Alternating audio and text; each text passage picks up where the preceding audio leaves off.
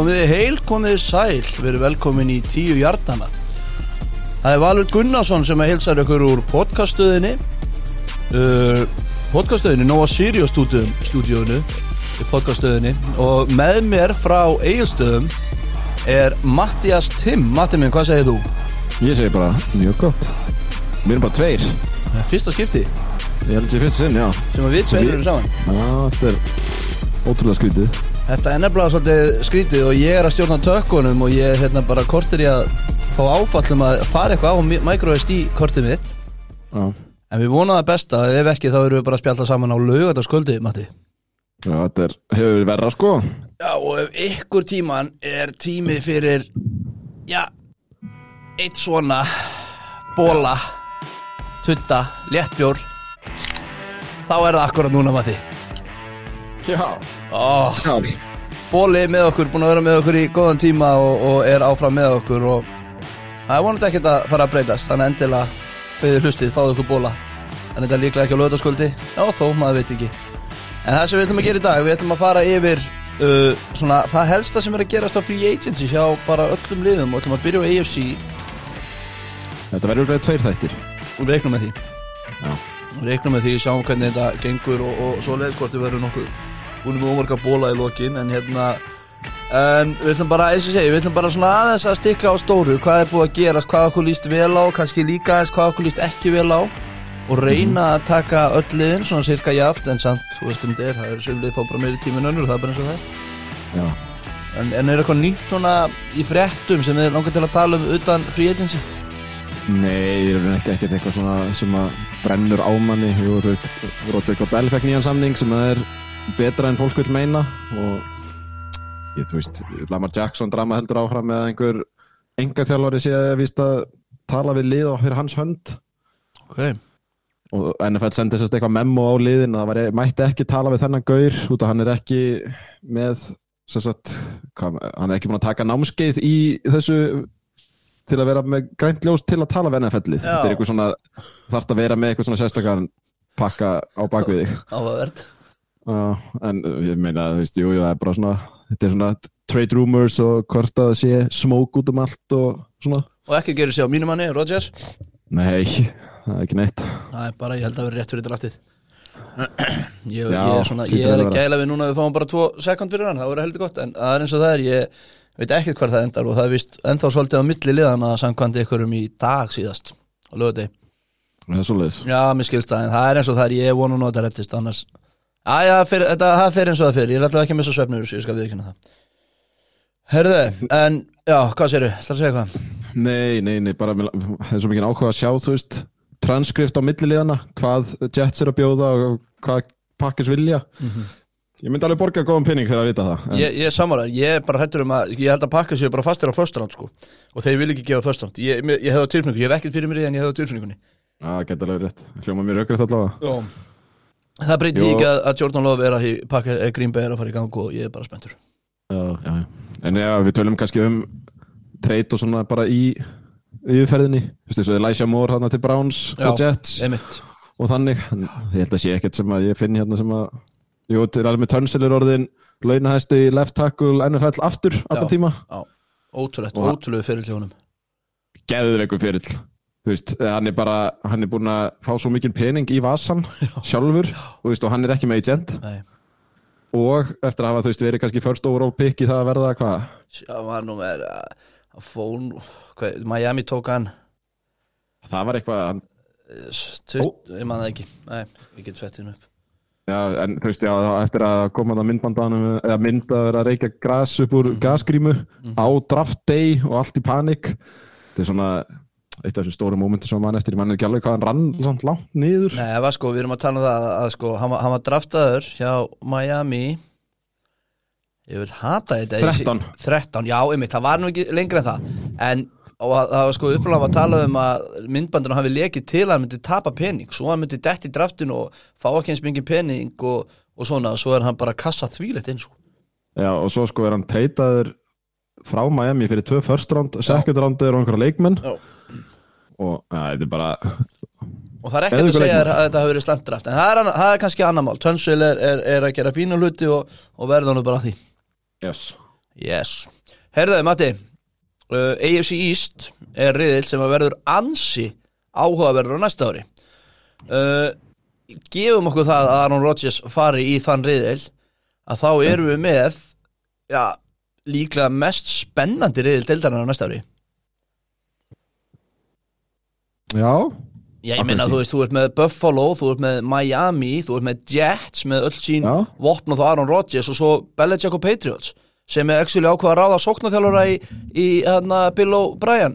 Nei, hvað heit hann? Jú, hana, já Bill og Bill O'Brien núna í ár. Já, ég er að kaupa og sérstaklega af því að fyndi hvað the tables have turned í þessum riðli því að fyrir ekki nema svona fimm ára síðan þá var þetta akkurat öfugt, það var eitt lið gott og hinn öll umuleg Já, nákvæmlega og og nú, svo bara búið snúast helviti mikið við þannig að þeirra Patriots mistu breyti og nú fóru hinn á alveg á fullt sko. Já, nú það er nú ekki að það er nú virðist vera eitthvað trend í dag þessum að það er nú ekki að líta lengra en í loka pakkasmanna til að sjá það Lions og Bears er allt í til liða ég er ekki að reyna að koma að pakka sinni alla umræðina við erum að tala um AFC Herru, byrjum AFC East, uh, Matti hvað, þeir eru búin að bæta við sig hlaupara sem að mér finnst svona mest áhugavert í Bills. Damien Harris já, hvað sagði ég, ég sagði Miami. Þú sagði, bara AC East. AFC East, já, Buffalo Bills, fyrir ekki. Þeir, byrjum að Buffalo Bills. Uh, þeir eru búin að bæta við sig hlaupara, Damien Harris sem að mér finnst nú svona nokkuð áhugavert. Já, ég er eða sammála. Það er svona múfi sem að ég er svona hreifnastur af, svona þú veist af gaurin sem þeir ekki búin að re-signa Mhm. sem er að fá inn í liði, þú veist, þeir eru náttúrulega að missa Singletary til Houston og hann er ekkert sérstakur. Hann var vombrið, uh, fyrirlega hans hjá Buffalo voru, vombrið Já, og Damien Harris er svona veist, þeir þurfa running back sem að getur svolítið gefið Josh Allen smá break þú veist, Singletary er meira svona að hlaupa út fyrir en ekki miðjuna, þú veist, það er svona á sem erfiðu jördum og Harris er bara akkurat það, þú veist, hann getur kannski ekkert gripið en hann getur svona dottið fjóra-fimm hjarta fram fyrir sig. Mm -hmm. og gefið svolítið hérna, hlaupaleiknum smá break en ég held að þeir séu samt alveg contender í svona frekar stóran running back í draftinu, þú hvort það sé first rounder eða second rounder, en þeir eru samt alveg svona geðið þægilegu running back að hafa þegar það vantar smá Já, þeir- Allen. Já, þeir hérna náttúrulega svo fór hann hérna vinnur okkar til til, til uh, Bears. Hann hérna Harrison, eða hvað er hann aftur hérna linebackerinn sem hann fór til Bears? Já, Edmundsson Edmundsson, hann fór til Bears en þeir endur sem við Matt Milano. Já, það er náttúrulega geðveikt út af hann, hvað var hann ekki All-Pro í fyrra? Jú, og þú veist, bara drullu gott. Ég segi þetta byggja hatar hann meir en lífi að 100% En hann er samt rosalega góður og þetta er, þú veist, við kannski töluðum ekkert um það í byrjun, en þetta er búin að vera fárlega svona, hvernig að á- á- orða það, bara mjög svona flottur free agency hjá öllum. Sko ég er sammála. Mér, mér, þú veist, það, það er einhvern veginn svona ekkert eitthvað svona sem að maður hefur alveg bara, heyrðu, bara breyti að komin í tampa dæmi að fyrst að Rodgers er ekki farin og svona en þetta er vera rosa solid eins og þú segir Já, út af því að þetta er kannski ekkert bestu leikmenni lausir, en það er líka ek- ekkert lið svona eins og í gamla daga þegar að verstu liðin voru að reyna að fylla einhverja hólur með einhverjum gölnum samningum, sko. Þú veist, það er ekkert svona, það er fullt af einhverjum one year samningum hér og þar og svona, veist, og mér finnst einhvern veginn við ætlum að hafa svona það sem okkur líst vel á hjá liðum og illa á. já, Ég fann bara rosalega lítið af líst illa á. já, just veist, ég held að bara liðin sé að verða gáfaðri. Já, veistu já, þetta, þetta er mjög góð punktur en,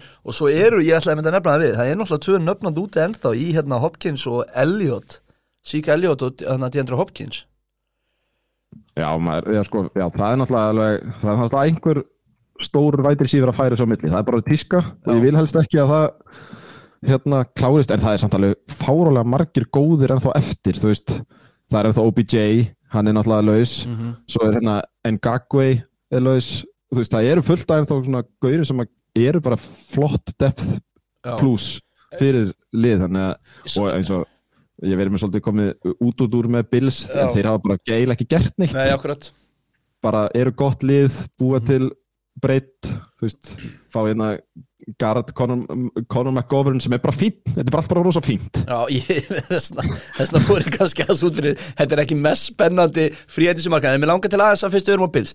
Að Því að Bills er lið sem að ég personlega hefur verið rosalega hára á undanfærin ár Og margir að sjálfsögðu dildinni Og mér fannst þið vera með besta liði dildinni í hitti fyrra. Þegar að Chiefs vinnaðu þarna í lokin og, og svo tapar Chiefs fyrir Bengals í ú- úrslitunum og sem að tapar svo fyrir Rams Þannig að mér finnst alltaf vanta svona Það vantar eitthvað smottir í upp á hjá Buffalo Bills. Já. þeir eru ekki búin að fylla í þau göt til að vinna Super Bowl með þessu free agency allavega ef þeir eru að Nei. gera það. Nei, það er sko, getur að talað um að Von Miller þegar ég hann inni. Jú, það, var það, var- það var náttúrulega risastóra múfið þeirra í fyrra sem átt að vera þú veist síðasta púslið. Það það fór náttúrulega eins og það fór sko. En það er alveg rétt, þú veist, ég held að þeir eigi bara ekkert endilega sko capspace til að taka svona stórt. Þannig að allen samningurinn, allen samningurinn fer að telja svolítið núna eða ekki? Jú, hann er svolítið, hérna, þú veist, jú, en það er svona kannski það sem að þú hefur minnstar ágjur af og þannig að þú þarf bara að hafa breytt af fínum gaurum og svo ertu með allen sem að dregur þig áfram og ég held að þeir séu bara ennþá hvað, þrið besta, annað besta liðið í þessu riðli hvað sem er, eða þessari dild, þannig að Held að þeir séu bara mjög vel, mjög vel stattir, þú veist, þeir eiga núna nýju miljónir af capspacei, þannig að ég held að þeir séu ekkert að fara að gera svakalegt með breytt einhverju samningum. ég skil ekki. En við skulum fara í uh, liði sem að lítur ansi vel út og mér finnst þetta einhvern veginn, mér finnst þetta liði verið svolítið nýja Dallas Cowboys að þetta er tímabilið þeirra, tíminn þeirra að það er Miami Dolphins. Og þeir eiga líklega stæst, stæsta múfið í þessum free agency inn í gæðsalöpum uh, glugga þegar þeir treyta fyrir Jalen Ramsey. Uh, og láta third round pick. Ég veit að það er ekki free agency dæmi en þeir eru alltaf búin að bæta vissi og bara lítur þetta ekki nokkuð vel út hjá um, höfrungunum að spika?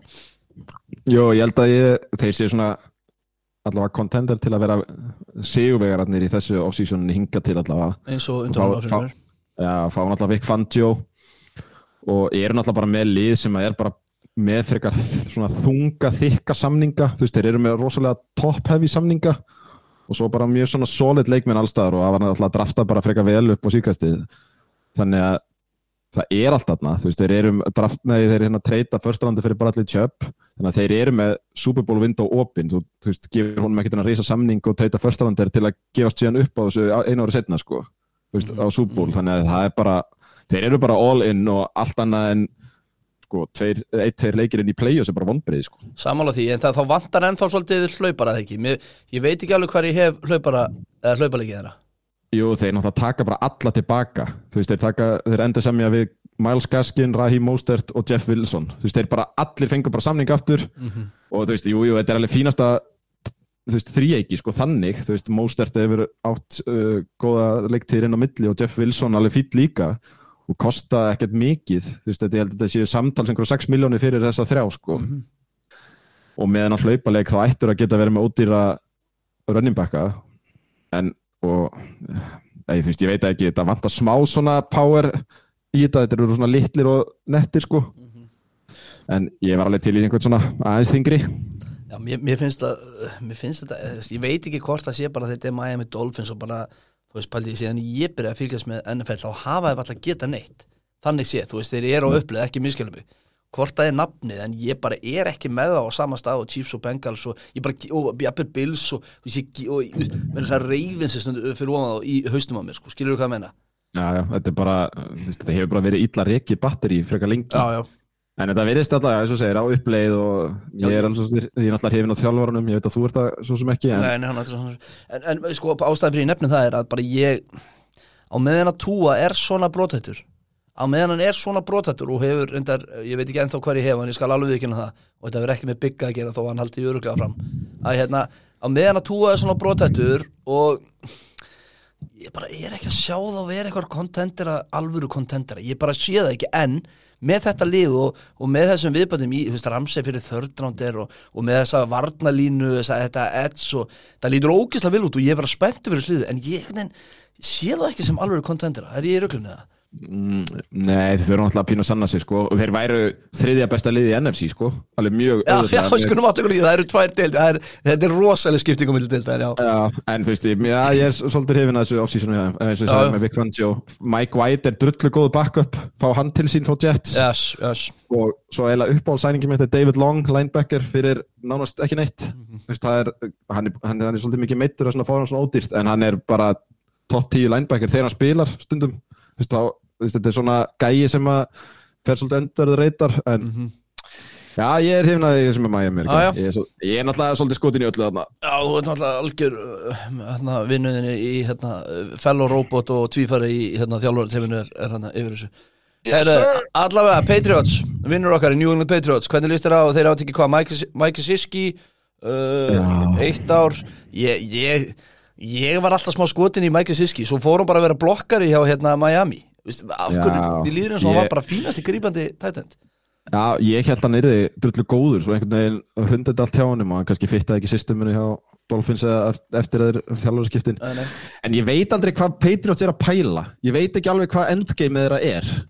Sko þeir séu, þeir, séu bara eitthvað svona sáttir við að vera bara svona meðalið. Þú veist, alltaf að berjast um síðasta playoff-sætið. Þú veist, ég er ekki hrifin að því að skipta út Jacobi Myers fyrir Juju. Mhm. til dæmis, þetta er nákvæmlega sami samningur sem við fengum sko. Mhm. það var bara svona einhver sá sem skrifaði fyrst undir copy-pastaði bara samningin á, yfir á hinn. Og einhvern veginn, mér finnst bara svona Myers bara betri leikmaður í dag. Þú veist, jú, Juju er gó, góður hjartans the catch og góður blokkari en ekkert, Myers getur allt annað betur sko. Já. Og Juju er náttúrulega gaur sko. Þú veist, hvernig fyttur hann inn í Patriots? Dæmi, það sé ekki Já, það er alveg, þú veist þetta verður alltaf þess virðið ef við sjáum Bill Belichick á TikTokinu hans sko. En ég, ég veit ekki, ég er svona jú, jú, kannski viltu fá hjartans the catch gæja með Mac Jones sem er kannski ekkert mikið að búa þetta til sjálfur. Og viltu kannski gæja sem hjálp honum? Þú veist, ég skil það svo sem alveg. Og ertu náttúrulega með turn hana í Gesicki. Uh, þeir hafa svo sem ekkert gert neitt mikið meira. Endur semja við Jonathan Jones hérna cornerbackin sem sem ég bjóst við að þeir myndi leifa að fara en eitt gæin sem þeir leifa að fara þú veist, eins og hérna eitthvað sem, sem Chargers tók í fyrra á miljard og mittist síðan.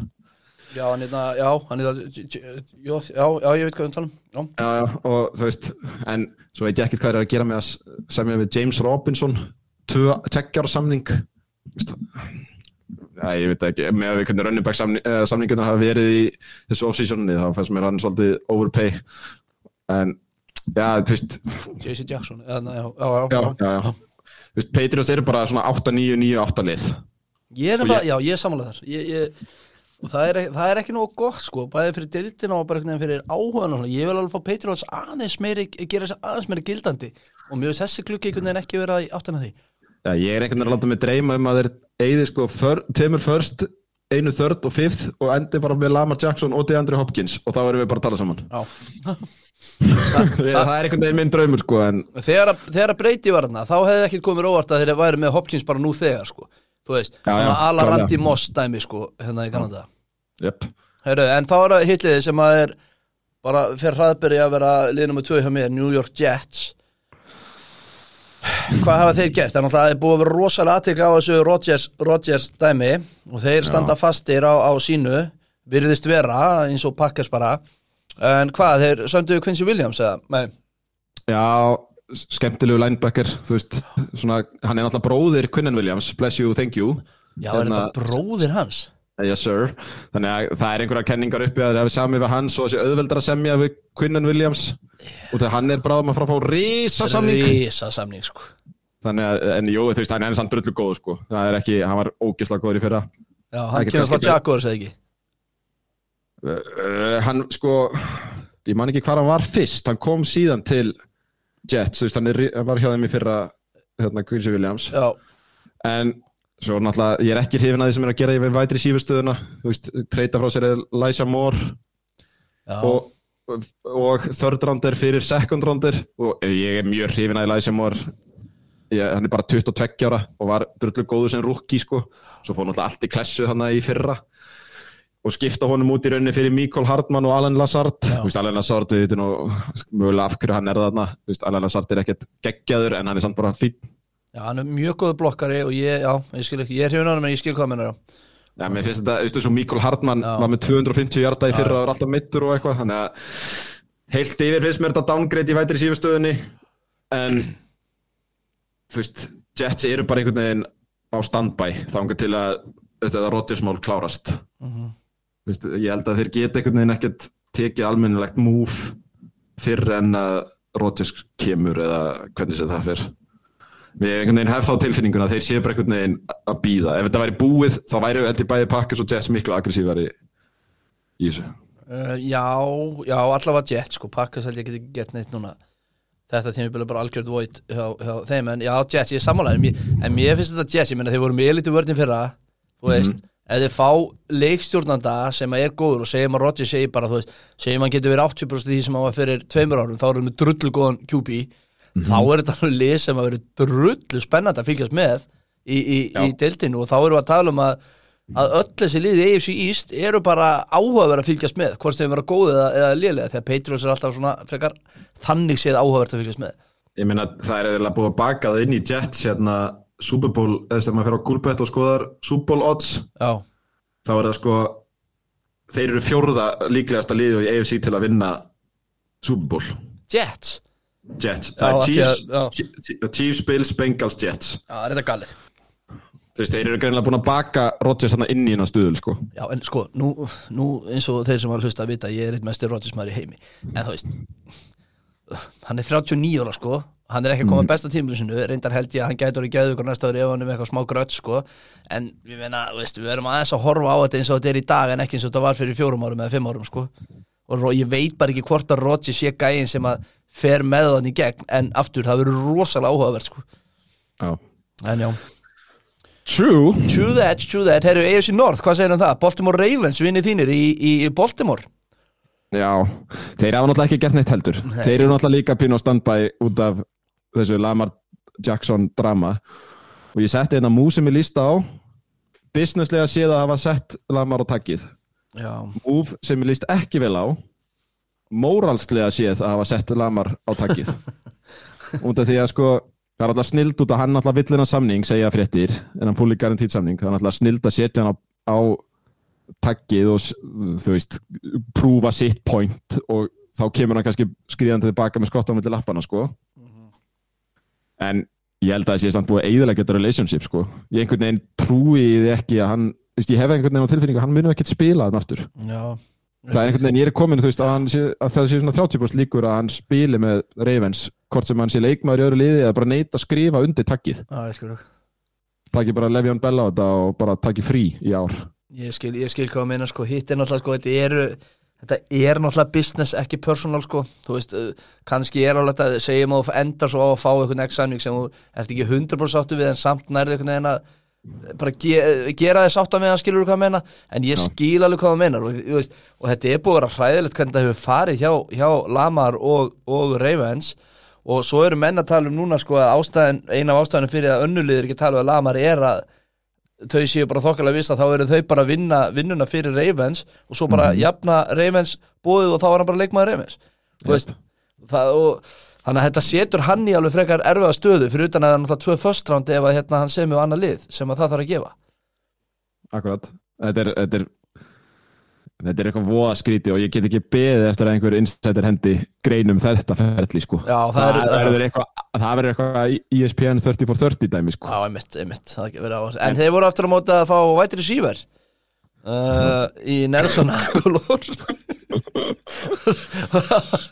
Þannig að þeir eru svolítið í þessu að fá ykkur svona, svona gæja sem eru kannski ekki alveg úr efstu skúfu Já, ég, þú veist, þeir hafa eiginlega ekki gert raskat. Jú, þeir releasið Calais Campbell til að spara 7 miljónir og við erum bara þar sko, þú veist, bara, Jú, jú, bara flott hjónum Já, en, Eða þeim eða eitthvað ég, já, en hérna, en ok, við ef að tala meira um Reymens, erstu, erstu góðu þar? Það er bara ekkert að ræða. Nei. Það er málið, þegar við erum bara ekki komin það langt inn í það dæmi sko. Já. En, já, bara næsta gang. Á næsta, næsta mál. Og það er hérna lið sem að ég hef verið alltaf meira og meira skotin í og það er uh, Cincinnati Bengals. Og þeir áttu eitt af mínum uppáðs múum, þeir tóku offensive tackle Orlando Brown. Og þeir eru með Gardin, Cody Ford og, og annar, þeir eru bara styrkja sóknarlínuna einhvern veginn áfram og mér finnst það bara hárrétt leiða árangri hjá, hjá Bengals Já, ég er sammála. Og hann var líka ódýrar en ég held mm. Það var eiginlega það sem ég var svona hrifin af. Þú veist, hann er kannski ekkert frábær, hann er stort nafn. Já, og allt þetta right tackle, left tackle drama í honum. Og þetta pappans var left tackle, Mhm. þá vill hann vera left tackle. Mhm. og jú, jú, þetta er ekkert svaka stór samningu sko, sem, sem betur fyrir, fyrir Bengals þá gáttu þeir sænaðan á hann. En ég held að Bengals eigi eftir að gera hellingar hlutum, það er verið að tala um að þeir kötti kannski Lyle Collins Já. frá hérna sóknarlínun sinni, Joe Mixon er vist alveg tæpur á að vera köttaður. Þannig að ég held að það sé alveg eitthvað framundan hjá Bengals, ég held að þeir, þeir sé ekki komni það langt, þeir eru ekkert að drífa sig og hafa þú veist, eigandinn er nískur gaur. Þú veist, það er vist þekkt dæmi. Bara, hann er þú veist, eftir að Burrow kom þá tímd hann að henda í nýtt æfingahúsnæði og eitthvað svona sko. ok, áhugavert þetta er eitthvað, þú veist, hann vill að helst ekkert spreða á fyrstu dögum á free agency, þannig að. Sem, sem er ekki það heimskasta sem hún gerir nota benni sko, þú veist, Nei, nei, nei. það eru oft verstu sænin eru á fyrsta degi sko Yep.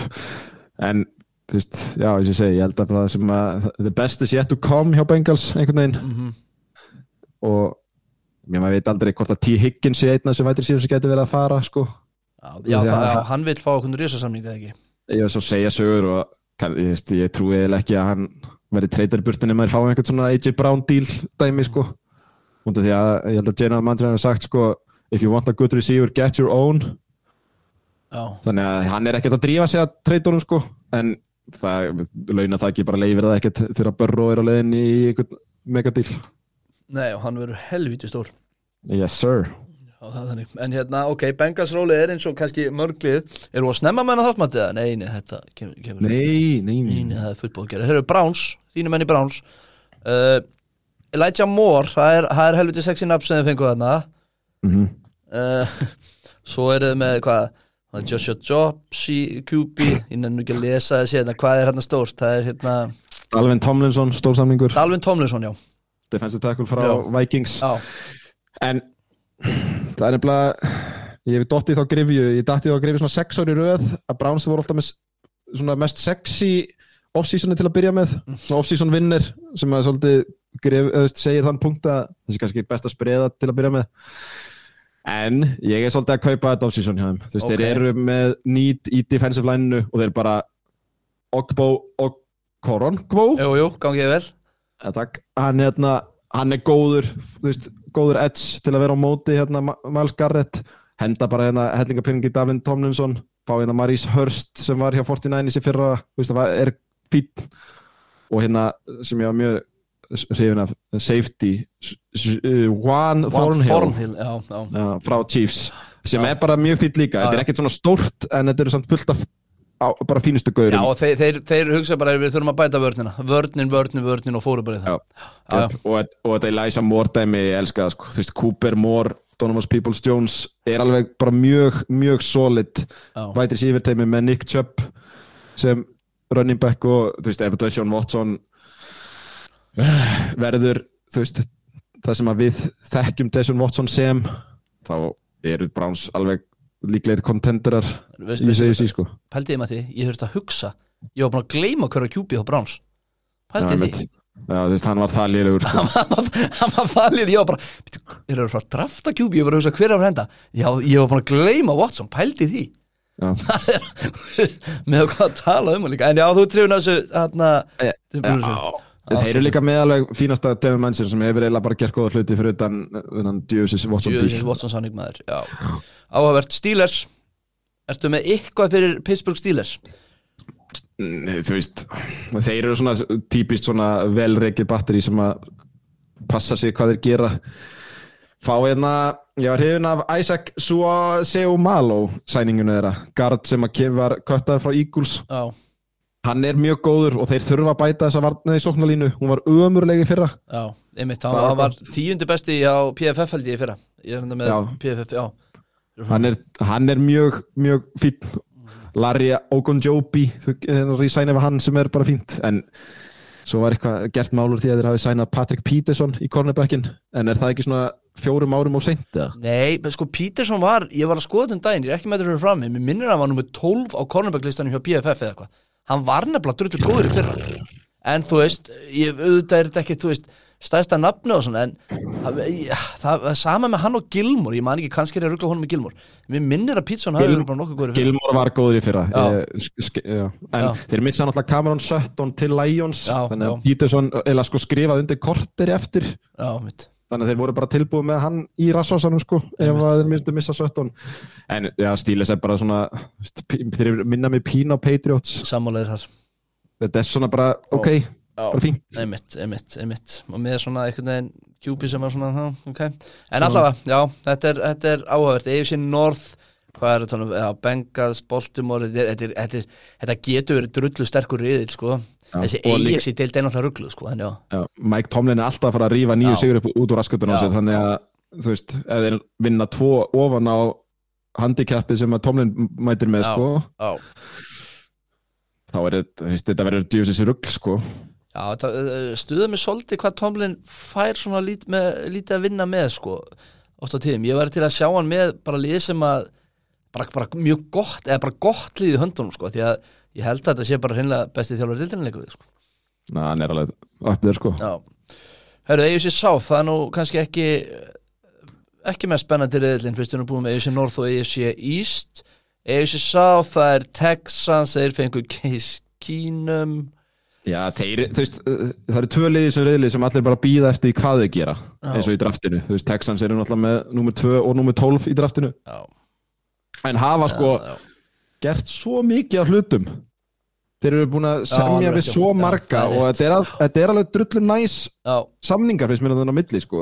Jújú, jú, Devin Singletary er ekki trefin á honum en fyrir eitt ár, fjóra miljónir þú veist, sem partur af einhverju svona en af ekki, ég ætla ekki að segja three-headed monster en three-headed einhverju. Já, og svo er það með Robert Woods sem er, þú veist, reynslubolti gott fyrir hann, fá Dalton Schultz by the way, það er svolítið hrifin af því. Ég er mjög hrifun af því. Ég Hann, er mjög hérna, hrifun af því, það er góðu tætend frá hann að Dallas. Já, gæi sem að sko neitaði held ég þryggja ára 36 miljón dólara samning fyrir síðasta tímabil. Úf, frá Dallas. Úf þannig að hann fær hérna eina miljón nei, hérna eitt ár nýju miljónir Segð mér eitt, af hverju er Texans að sæna svona marga tveggja og eins á samning? Eða veist þeir eru bara ekki byrja á rýbildinu eða ekki byrja rýbildið eftir eitt eða tvö ár þeir eru komnum í QB-in sin já, ég sko já, veist, þeir eru með þeir hafa líka verið svona síðustu ár bara svona eins tveggjára samningar en þeir eiga náttúrulega bunch af picks næstu tvö árin.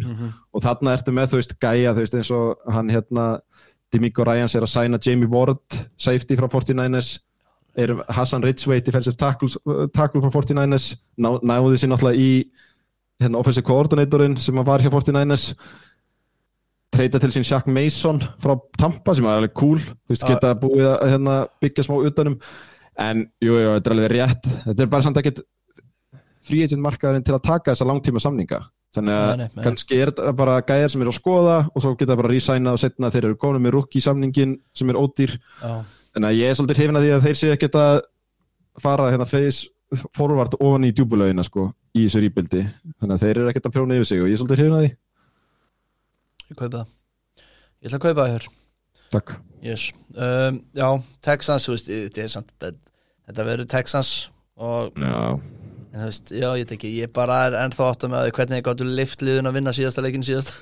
Til að tapa þessu overall picki en veist, ég, eins og ég er mikið á móti þegar liðið er að tapa viljandi og tanka og allt og ég hata það eins og pestina. Þetta er bara þvílíkur löstur á, á hérna uh, bandariskum íþjóttum en allir hafi lift sér að vinna þetta ég bara, lofið smið Lík- bara stór langandök líka bara á playi sem að meika ekkert senn sko Já. Fourth and 20 eða eitthvað að kjafta sko Já, En já, ég held að bara, ég svolítið veist, þetta er náttúrulega sex ára samningur á Ryans, þannig að þetta, á, þeir eiga ekkert að vinna fyrsta árið sitt, þeir eru bara að byggja. Já, einmitt 6, 6 ára samningur. Áhugavert. Heyrðu, uh, Colts Indianapolis Colts uh, Þeir eru búin að bæta einhverju við sig þarna ekki að sjá En að Gardner minn sjúvin okkar. Jú, jú, sem að getur verið backup og bridge, Já, þannig að það er alveg hægt að starta honum, það er náttúrulega eftir hvað þeir gera, þeir eru náttúrulega í ömulegri stöðu, þarna nú- með fjórða pikki, því núna eru Panthers komnir í eitt, þeir eru með Houston í tvö, Cardinals eru þrjú, ef þeir treyta því í burtu, já, eru Þá kjúpið þeir- að farnir. þá eru þrýr kjúbi á farnir og þeir þurfa þá að sætta sig við fjórða. Mhm. þannig að þeir eru allt í hennu komnir inn í lamar orðrúms orðrúmin sko. En já, og eigandinn alltaf gjössalega að tapa sér í þessu öllu saman. Það veist, út af hann vill quarterback og vill vinna en aftur á mótið liðið ekkert það gott. Og þú veist, ég bara man ekki eftir að sé svona góða sóknarlínu hrapa jafn hratt og þeir gerðu þarna í fyrra. Það er rannsóknarefni. Já, en þú veist, jú, jú, þeir eru að fá hérna Samson Ebukan frá 49ers þú veist, hann er mjög fín mm. edge rusher og þeir þurfa rusher, það er bara ekki til rusher þarna. Þú veist, þetta var bara held ég sakk minnsta liðið. Og ég er ekkert frá því endilega að þetta lið getur bara verið versta lið í EFC sko. Uh, Indianapolis Colts? Já, Ok, og þú ert að rekna með að sóknirinn verði bara nákvæmlega blilu í fyrra og, og Já en þú veist, ef þú- horfir bara í kringu þá er þetta bara bara á milli þeirra á Titans sem ég var að versta liðið Já, í já. AFC já, já. þannig að ég held að þetta verði alveg bras þannig að þeir kannski drafta quarterback eða býða bara eða fá Lamar, þú veist, ég veit það ekki en ég held að þeir sé ekkert með lið til að fá Lamar. Lamar geti notað sem eitthvað svona leverage á Ravens en að ég veit ekki, ég hef ekkert rosalega miklu að trúa þessu koltstæmi, ég held að þeir séu bara leiðinni beint í eitthvað Texans rebuild aftur sko. Ok, áhört. Það er, það er ekki öllum við björgandi hérna. Heyrðu, Jacksonville uh, Jaguars. Nei, jú, Jacksonville Jaguars. Það. Þeir hafi ekki gert neitt. Nei, þú veist, ef hann engan fekk takkið já, og svo bara that's it basically sko þeir, þeir, þeir, þeir eru náttúrulega að fá Calvin Ridley aftur. Já, já, það er svolítið, það er raun og við megum tala um það sem nýtt, nýja viðbútt og en, Lawrence fór loksins að sína eitthvað á síðast tímbili að, að mínum að þið og maður svona sér uppsæti í honum og þegar Já. hann fæði Calvin Ridley þá svona, það, það, það er alveg helvitis búst sko. Já, þú veist, eins og staðan er í dag þá eru þeir líklegri til að vinna Super Bowl heldur en Ravens samkvæmt cool já, já, og ég, ég kaupi það en þá er hugsanlega verið að rekna með að Lamar verið ekki hjá Ravens já, eða já, örgulega Það er náttúrulega bara spurningamerki. En Jag Jaguars voru bara með mjög góð sæning í fyrra. Spriðu og spriðu og spriðu og það bara einhvern veginn gekk allt upp mm -hmm. hjá þeim og því ég held að þeir haldi bara í það og eru bara svona bæta við sig breytinni sko, þeir eru ekkert að prjóna yfir sig nei. sem er mjög flott. Sem er bara jákvæð þróun hjá einhvern veginn, þú vilt einhvern veginn þegar að lið er að byggja upp, þú vilt ekki henda eitthvað svona rísa samning á eitthvað nöfn, heldur viltu einhvern veginn byggja þetta bara á solid samningum uh, Mhm. og svona sem er eitthvað framtíð yep. That's my opinion Herru, Titans Það er liðlægsta liðan að sé og EFC, þú varst að halda því fram á þann Já, ég held það. Ég held að þeir séu líka á leiðinni í eitthvað eitthva bull. Þú veist, þeir, þeir vill held ég engin Tannehill og ég held ekkert vissum að þeir vilji Tannehill Nei, út af Tannehill samningurinn er bara eitthvað sko eitthvað gali capspace í ár þannig að þeir eru svona pínu eins og hérna við líðum svona pínu eins og þeir séu svona eins og Giants voru fyrir síðast tímbil þú veist, með hennan samning gátil ekkert gert neitt, voru bara svona handicapped og Falcons já, með stóru samningana sína og allt þetta dead cap dot. Jú, heyrðu, hérna 37 miljónir Tannehill. Cap space uh, tekur hann. Shit. Já, og þú veist, jú, jú, þeir eru alveg að taka fínustu sæning, þú veist, fá Daniel Brunskill frá 49ers, náttúrulega nýja GM-in hjá Titans er að koma frá 49ers Já. tók hérna þrjá fyrirverandi 49era þú veist, Aziz Al-Shair sem er drullufín linebacker. Já, og Arden Key sem kemur reynda frá Raiders en var árið áður í hérna þessu, eða, veist, þessu defensive line skóla hjá 49ers það sem er sæni eitt ár og svo fáið stóran samning annar staðar. Já Andri Dillard þarna, var hann ekki takkul frá Eagles þarna? Já, first rounderinn sem þið notuð alltaf bara sem backup. Já, einmitt, og hann, var hann ekki eitthvað mittur þegar hann kom inn í deildina, var þetta ekki hann sem að hérna er allir að eða hvort hann átt að, nei, hann átt að byrja sem backup já, og, hérna, Já, og vinna sig inn. Mhm. en hann komst aldrei inn, já, einmitt, einmitt, einmitt. En Já, það bara klikkaði hjá Eagles en þeir fá hann að til sín. Já, já, já. Og svo fáið Sean Murphy Bunting sem að ég svolítið sér frá Tampa. All right, en já, þetta er bara, þeir eru bara svona pínu eins og. Colts. Titans er ekki nóg sexy, sko. Nei, Við erum að aftur, við erum að detta aftur í að Titans og Jaguars verður hver einasti fimmtudagsleikur. Það er svolítið, við, þú veist, að því að, að því að bæði þessi lið, sérstaklega Titans var orðið svolítið meira en fimmtudags, einhvern veginn svona leikur. Jep. Við erum að detta aftur í þennan fimmtudagsleikur Það verður Colts og Titans, það er alveg potið Já, AFC, AFC South maður. Já, já, það er eins og það er. Herðu, AFC West, talandu spennandi riðil af því að við vorum að tala um North og hérna East mm -hmm. AFC West er nú ansi spennandi líka maður. Já, ég held að hann, hann var náttúrulega mesta hæpið fyrir það sko. Já, já, og mestu vonbriðin er það líka. Já, klálega bara eins og, en, eins og NFC West árið áður minni mig. Já, það var þannig. Jep, Já, byrjum á Denver. Denver. Já, Þeir fóru að spreða. Já, fengur náttúrulega Sean Payton fyrir uh, slatta. Og fóru síðan bara að spreða. Og ég er svolítið hrifin að pælingunni á Sean Payton. Eitthvað kannski ómiklum pening þegar sér Mike McClinchy right tackle frá 49ers fast hann ro- rosalegan samning. Já. Ekki, veist, ekki minn kannski uppáhalds en hann er fín góður í Powers. Lélegasti tæklari í deildarinnar, sangat Jónas Ími. Já, jú, jú. Látum það bara liggja þar.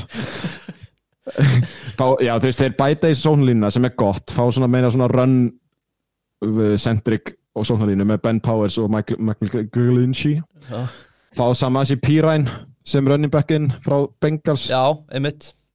Þannig að það verður einhver svona two-headed dæmi millir hans og hérna Javante Williams Hann var alveg skemmtilegur í fyrra fannst mér. Piræn er nefnilega drullu fín Já, drullu solid sko.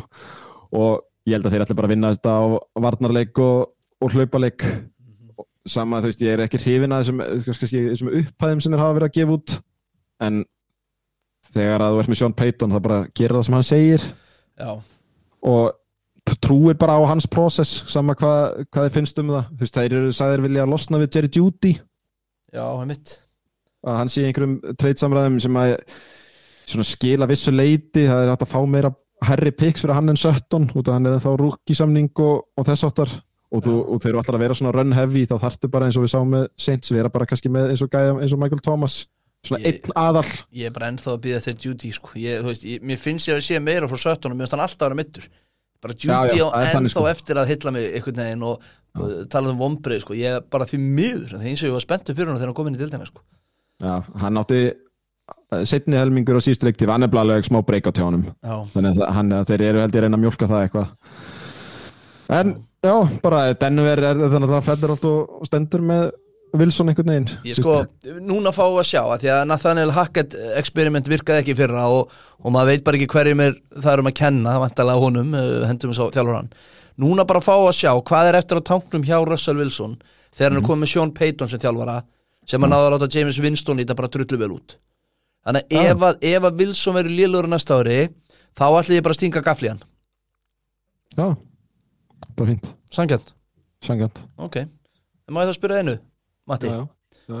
hver eru súbúlumeistarar í ár? Það er vist Kansas City Chiefs. Hver ætla að tala um næst? allir við tölum ekki um Kansas City Chiefs. Hvernig var þetta að segja þetta þetta var mjög gott. On the nose. Chiefs, þeir eru búin að gera eitthvað. Nei, nei, þeir eru náttúrulega bara the bee's knees á þessari deild. Og fá hérna skipt út Orlando Brown fyrir Javan Taylor sem að er bara mjög flottur. Missa hérna Clark Já, hann er farinn. Og í staðinn kemur Charles Omenahu frá 49ers sem er bara mjög flottur. Ég var mjög leðilegt að missa hann frá 49ers ok. Hann fyrir þarna einhverja 2 ár 20 miljónir en fyrir þetta það er þeir bara þeir vita bara hvað þeir eru. Já, þeir eru einhvern veginn búin að finna sína uppskrift Já, og halda henni bara. Þú veist þeir eru bara að fá hérna fá bara góð sóknlínu og að meðan að maður Holmes er lifandi þá eru þeir lifandi. Já, einmitt. Missa, missa náttúrulega reynda Juju sko. Já, en já, og þeir eru ekki, það er enginn komin í stæðin þá fyrir utan Kelsey er og er náttúrulega Mikael Hartmann líka. Hvítu, wow, hver er eiginlega besti vætri síður en þarna þetta er Sky Moore. Ná vantilega MVS Vantilega skandling jú, jú, En, en, en það var verið að orða þá við DeAndre Hopkins um daginn ja, Hopkins og Beckham? Já, veist, sorry ef, ég- ef Hopkins eða Beckham ferða það sérstaklega ef Hopkins sem að bara einn besti sísvýri dildina mínum að þá getum við nú bara að pakka saman. Þá getum Já, við bara, þú veist. Þeir segja sko að Cardinals vilji second round er plus. Já, jafnvel svona Christian McCaffrey pakka. Já, ok. Fyrir Hopkins sem að ég er ekki alveg að kaupa. Nei, en segjum sem svo að þeir fá hann fyrir third, fourth og fifth mhm, Chiefs. Og sæna Beckham frítt fyrir svona frekar ódýrt í eitt ár sem, sem að svona- gæti alveg gerst upp á að vinna gæti- titil Já, já, já, Beckham gæti líka alveg tekið til að vera með svona veist, sjáu mig, ég var einn eitt ár hjá Chiefs og já eitthvað, og eitt ár hjá Rams og unnur Súber, hann er alltaf þrítur hann hérna, hann verður 31 á sig ára hann Hopkins sko, fyrir vætri síver og Beckham er eldið 30 Já, mitt, en já, en ég minna, já, já en þú getur alveg notað þá og átt að Já. Super Bowl með, með Holmes sko. Já. Svo er, það, svo er það mitt málið að þeir eru með maður Holmes þannig að mann líður ykkur eins og þetta skipti yngum máli hvað þeir gera. Nei, nei. en, en þeir eru búin að vera rólegir núna ekki? Þannig, jú, Jú, jú, jú, bara þessi stóri takkasamningur hjá Taylor og that's it. Yes sir. Heyrðu, talandi um lið sem að, að ég hefur nú gert alveg slatta þannig uh, það er Los Vegas Raiders og þeir eru með líka orðaði við Deandre Hopkins og við töluðum um spjallinu það verið helviti skemmtilegt að mæta liðið með Devante Adams öðrum megin og Hopkins hinum megin. Já, með Jacobi Myers in the slot. Já, og hérna Jimmy G að henda þá sem að þeir sk- sænuðu á þryggjára samning. Já, þetta er samt í rauninu bara tekjað samningur en já, ég er svolítið hrifin að þessu öllu saman, þetta er allt uh, svona þetta er, mér finnst þetta skemmtilegt þetta er ekki gott teambuilding ég er ekki droslega hrifin af stefnunni þeirra, en mér finnst þetta samt skemmtilegt ef að Ok. það meika sens Ok, Þú veist, náttúrulega Jimmy G, Las Vegas er náttúrulega bara mest horny borg bandaríkjana að fá myndalegasta kortebekkin þú veist, ég held að séu tvö vændisús búin að bjóða um free sex for life. Sem er náttúrulega ykkur mesta gimmick auglýsing í heimi en ég skil hvað það menar Já, þú veist, þetta er bara, eins og ég sagði við ykkur, akkur er ekki, akkur er Jimmy ekki að casha inn á einhverjum raunveruleika þætti? Uh, Já, já, ég myndur að vera að leikstöndur í NFL en ég skil hvað það menar Já, ég, þú veist, heldur en honum sé ekki drullu sama. Já, þú veist, ég, hann virkar á mig sem eitthvað svo líp og típa, bara já, já, ef ég get greitt pening þarna og greiði bara pening þarna og... Ég væri, En- bara, til að sjá þá í raunverulegnum þegar hann ætlar að nota þetta frí sex hérna og hann vil neita kannski afgriðslan hann þarf að rífast mann eða þú veist að ég er með ókipis kynlífið hérna sko Já, veist ekki hver ég er? Já, veist ekki ég er Nei, þetta er, þetta er algjör þvæla, sko. En jú, þeir náttúrulega gefa Josh Jacobs takkið. Þeir tökkuðu Josh Jacobs, já Mér Þannig finnst það sniðut, ég er ekki vissum Þetta er sko, þetta er mesta samningsáls tímabil sem ég man eftir hjá Josh Jacobs sko. Mm Og þetta er ekkert það dýrt, þetta er eitthvað 10 miljónir Já, ish. já, Og það málega nota það í... sko, Það, en ég skil samt ekki hvað endgame þeirra er heldur. Nei, Þú veist, þeir eru ekki með til að kontenda, börnin eru ömuleg. mhm. Eh, þú veist, ég fæ svona pínu á tilfinningunum sé pínu til að gera Adams veist, til að gera hann ánaðan svo að treyta þeir að sé þess virði. Því að þetta fór náttúrulega allt í skrúnu þeir lo- mistuðu karr þeir hafa draftað ömulega eins og ég ykkur hann í dag. Mhm. það var einhver listi yfir flest snaps spiluð af leikmanni sem að liði draftaði síðustu fimm ár. Já, uh, reytis eru langneðsti með 11.000 snaps. Mhm. Og til samanburða þá er liðið í 31. sæti með 48.000 snaps frá, frá rúkjónu sínum sko. Það er galið og þá erum við með Karr sem alltaf spila hvert einasta sóknarsnapp í liðinu en hann á eitthvað helmingina af þessu. Já, og þetta er, þetta er Los Vegas og Oakland Raiders reiknaði með saman Já, já. En já, ég skil ekkert hvað reyndis er að gera. Veist, ég skil það ekki. Ég veit ekki hvað, hvort þeir sé að reyna að vinna eða hvort þeir sé að reyna að vera ekki lélegastir. Já, vel er náttúrulega fyrir þarna frá þeim Tætendin Já, treyta volur frá sér fyrir, Waller. nei, fyrir þörðrandir. Mhm. Svo eru þeir bara eitthvað svona að ég veit ekki, þeir eru bara ekki droslega gott lið en eru samt með þvílíkt góða sóknarmenn og alveg Kortebæk sem hefur sínt að hann getur gert hluti með gott sóknarlið Skím, já og McDaniels náttúrulega alveg þú veist, með gott sóknarskím og þekkir Jimmy gegnum Patriots og fær náttúrulega Jacobi Myers frá Patriots líka en eins og ég segi, þú veist mér finnst svona, ef þeir hefðu kannski átt að stoppa, hugsa bara töngum, eða þú veist, ekki tankabeint en svona, skulum ekki vera að eyða fullt af cash í þetta. Þú veist, gæti þess að treyta bara Adams. Þú veist, mér finnst að það, svo leið hefði kannski verið svona það, ég, ég, ég skil alveg hvað minnar ég, ég skil alveg hvað minnar Raiders já, ég samlar ég er svolítið spenntur að sjá Jimmy G einmitt í það sem er ekki bara mataðan með skeið að öllu sem hann þarf að gera þó hann vissulega þekki McDaniels og hefur verið góður undir honum sko, þá var hann alltaf í sjana hann sókninni sem að, tristi, sem að Brock Purdy getur komið inn í og litið út eins og Tom Brady skilur þannig að ég er mjög spenntur að sjá hvað Jimmy G gerir hérna, í, hérna hjá og McDaniels vinnu sinum njus, Herru, síðasta liðið í AFC Mati, jú. Það er lið sem við meðum ekki tala um samkvæmt bygga Los Angeles Chargers en Já. það sem að byggja er ekki hérna þá ætlum við að tala um Los Angeles Chargers. Já, þeir hafa ekki gert heldur neitt. Nei. þeir, þeir, eru, þeir hafa restructurað rosa mikið Já, og opna opna sig. En þeir eru held ég að opna hjá sér Super Bowl glugga í ár. Þeir, þeir eru svolítið all or nothing hérna glugga akkurat núna, ég veit þeir eru náttúrulega með geggjaðan quarterback og allt það en ég ætla að leiða að hlusta hérna á capspacin þeirra á næsta ári. Oh. Hvernig, þannig að það er Khalil Mack. Þetta er sérst capspace fyrir 2024 tímabilið. Mhm, 38,5 miljónir mhm. Khalil Mack. Joey Bosa 36,6 miljónir Keenan Allen 34,7 miljónir Mike Williams 32,4 miljónir Jesus Christ. Og þá ertu sko með þessa þú veist, þetta er allt flotti leikmenn en Khalil Mack er aldrei að fara að spila með þessu liði á, eftir, eftir næsta tímabil Nei. ekki Keenan Allen heldur og ekki, ég trúið ekki að Mike Williams gerir það nema þeir restructure það eitthvað þannig að þetta er allt svona mm, það er eins og þeir ætli sér að vinna Bowl í ár þú veist, þeir eru svolítið að taka þannig múf Já. sem að mér finnst svolítið vera gert í blindni Mhm.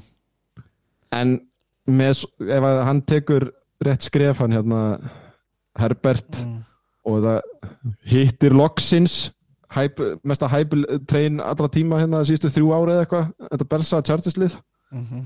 það eiga er alveg séns en ég veit það ekki. Nei, ég er bara eins og ég segi ég, þú veist, Khalil Mack er 32 ára þessu ári.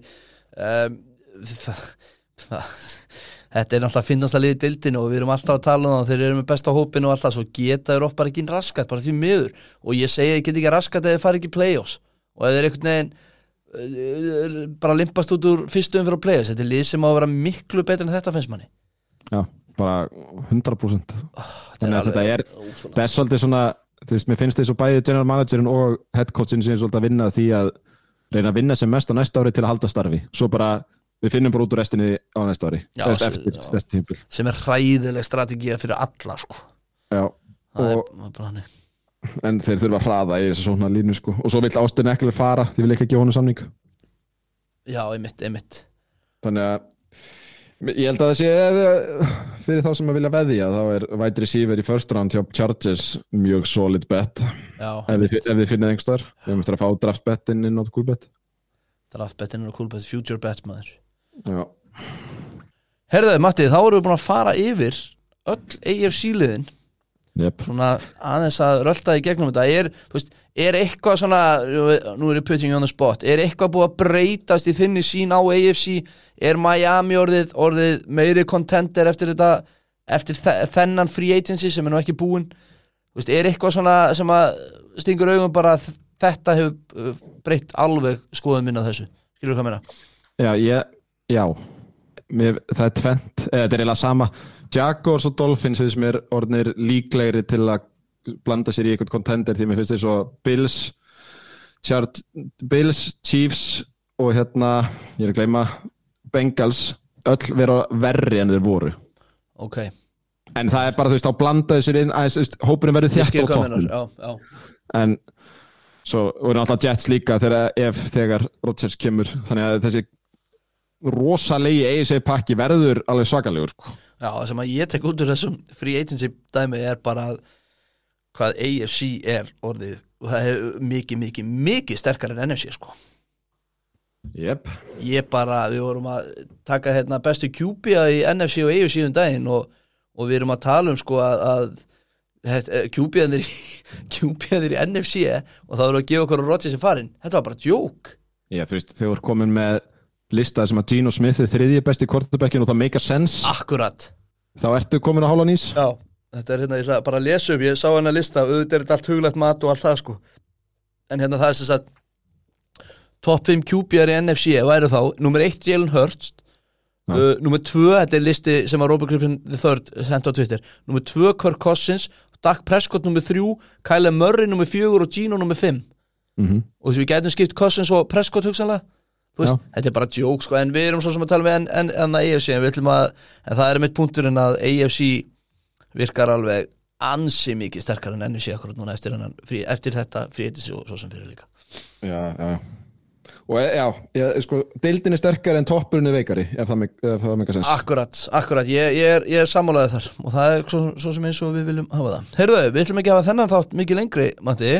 Uh, Við ætlum að verðum með annan þátt um NFC sem Já. verður bara svipuðu nótum bara sem við erum að spjallum þetta og þú verum svolítið að lista upp hvað er búið að gerast og svona aðeins að, að ræða þetta. Þetta er ekki bara nokkuð sáttur? Ég held það.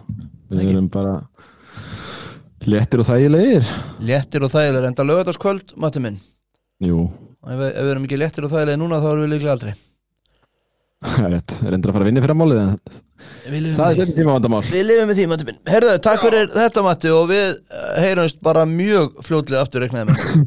Já, Ok. Ok, bye